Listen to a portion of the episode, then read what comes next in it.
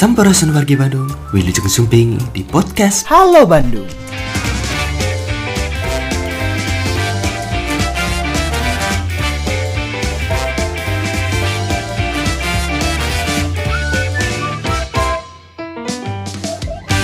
Assalamualaikum warahmatullahi wabarakatuh.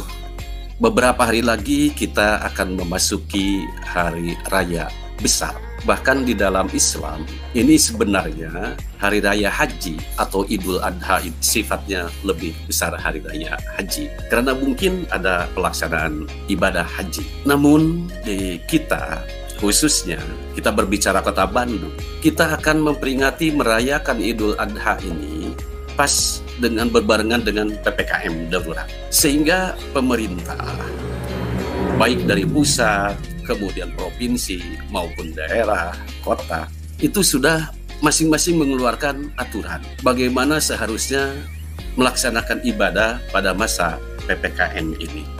MUI Kota Bandung dalam melaksanakan ibadah-ibadah seperti yang disebutkan tadi, khusus pada pelaksanaan Idul Adha, tentu kami MUI Kota Bandung senantiasa mengacu kepada peraturan-peraturan baik itu perwal, apakah itu surat edaran yang sudah dikeluarkan. Itu menjadi acuan kami di samping juga kami menalaah dari dalil-dalil syar'i. Yang perlu kita ingat bahwa Idul Adha ini ada beberapa ibadah yang khas. Itu yang pertama adalah sholat sunat Idul Adha. Yang perlu kita garis bawahi, ini adalah sholat sunat. Namanya juga sholat sunat Idul Adha, bukan sholat wajib Idul Adha.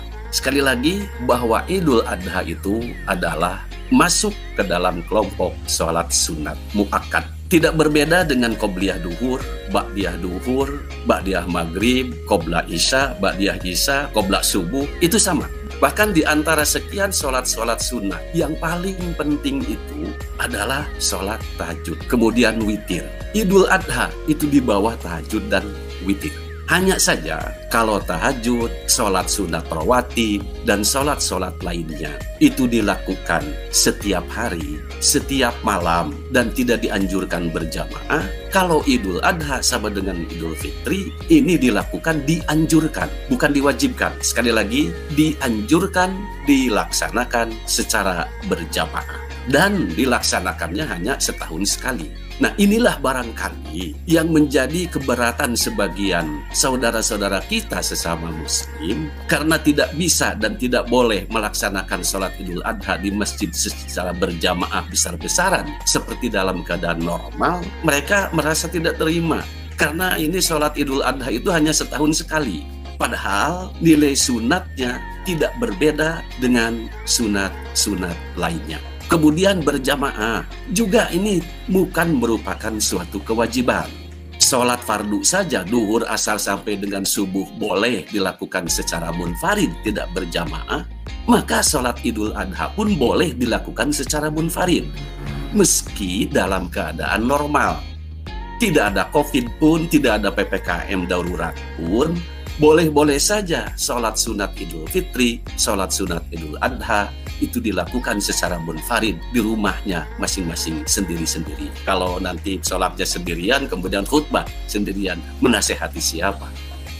Seperti tadi, permohonan dari atau memang saran dari Pak Kemenak, nah bagaimana pelaksanaan sholat sunat idul adha itu? Ini tidak berbeda dengan sholat sunat idul fitri. Jadi kita sekarang lakukan di rumah masing-masing berjamaah dengan keluarga inti, anak dan istrinya. Nanti tentu bapaknya, suami yang tampil ke depan, tampil menjadi imam. Bagi yang suka niat, ya niatnya niat sholat sunat idul adha menjadi imam begitu atau makmum.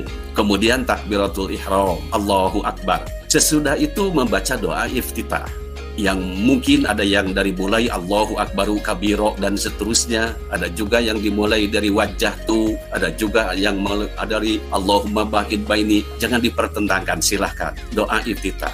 Selesai doa iftitah pada rokat pertama ini kemudian membaca takbir seraya mengangkat kedua tangan melafalkan Allahu Akbar lalu membaca subhanallah walhamdulillah wala ilaha illallah wallahu akbar takbir lagi pada rokat pertama tujuh kali. Setelah selesai takbir tujuh kali, kemudian membaca fatihah, lalu disambung dengan surat. Surat-surat apa? Mangga terserah yang hafalnya. Saya hafalnya cuma kulhuwallahu ahad, ya kulhuwallahu ahad sajalah yang hafal saja. Kemudian setelah itu seperti biasa, ruku dan seterusnya dan seterusnya. Pada rakaat kedua diawali juga dengan takbir. Allahu Akbar seraya mengangkat kedua tangan kemudian membaca tasbih yang tadi ini dilakukan sebanyak lima kali sesudah itu baru membaca Al-Fatihah surah ruku dan seterusnya sampai dengan selesai tapi takbir yang tujuh dan lima ini bukan rukun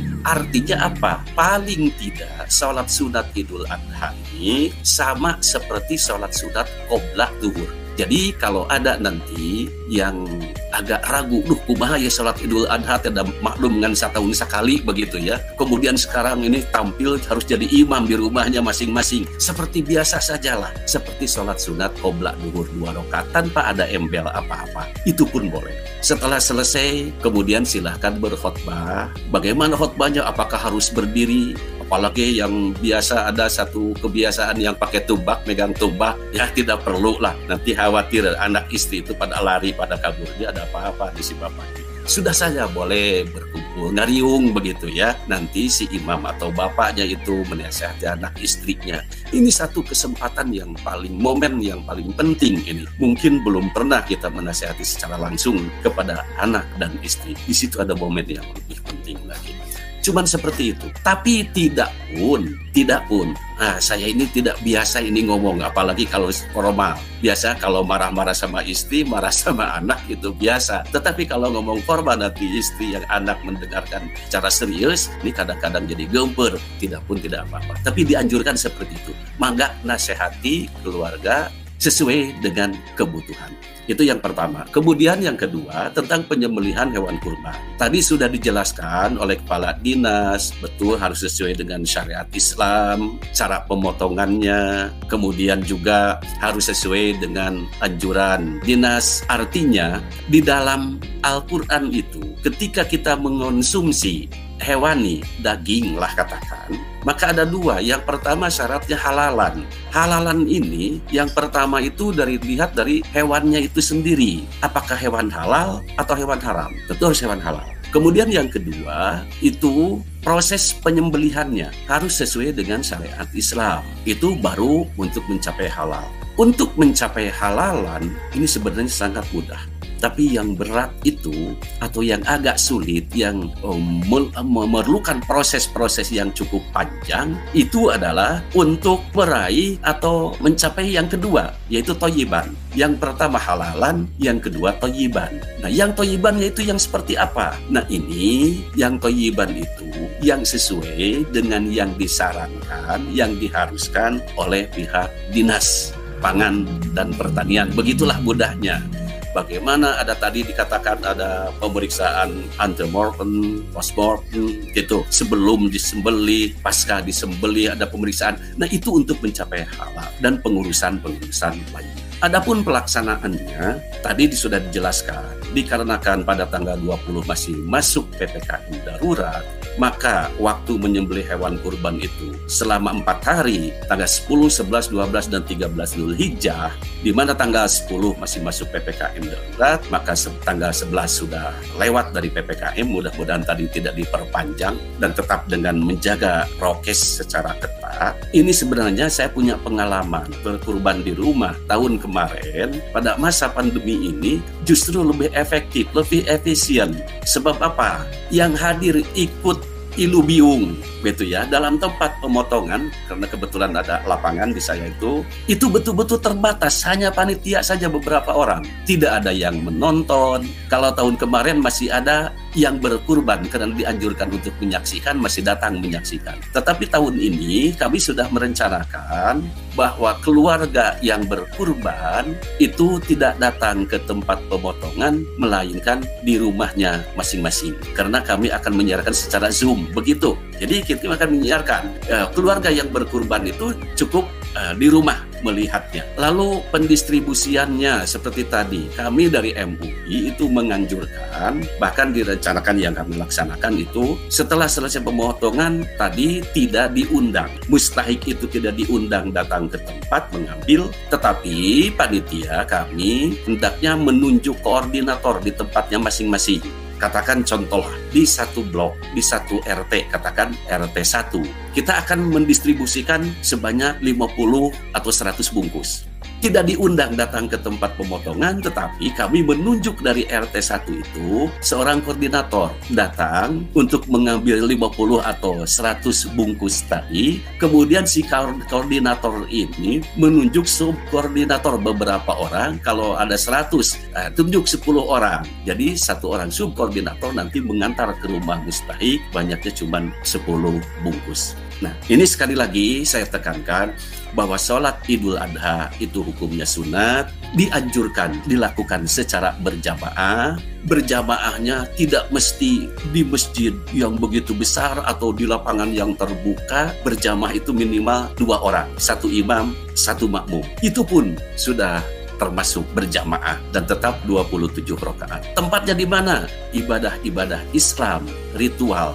itu tidak mesti di masjid kecuali ibadah-ibadah tentu yang harus di tempatnya, ibadah haji dan lain sebagainya. Kalau sholat, kalau sholat duhur selamanya di masjid tidak, tidak ya. Kadang-kadang di rumah juga. Nah kenapa suka ribut? Kalau sholat sunat tidak di masjid, selamanya berjamaah tidak, punten tidak juga kadang-kadang ya. Nah, kenapa suka ribut kalau ini sunat? Ini dalam keadaan darurat seperti ini. Rukun Islam itu ada lima. Mulai dari syahadat, salat, zakat, saum, dan haji. Dari kelima rukun Islam yang harus dilaksanakan di tempat yang sudah ditentukan hanya satu, ialah ibadah haji. Sementara yang empat lagi tidak ditentukan, tidak diharuskan, tidak disyaratkan, tempatnya harus di satu titik. Tidak, jadi kita tetap lakukan ibadah di mana pun dan kapan. Tidak mesti di satu titik tempat. Kemudian yang kedua, uh, Rasul berpesan, taati pemerintah kamu, ta taati pemimpin kamu. Walau ta'ammaro alaikum abdun habasyiyun.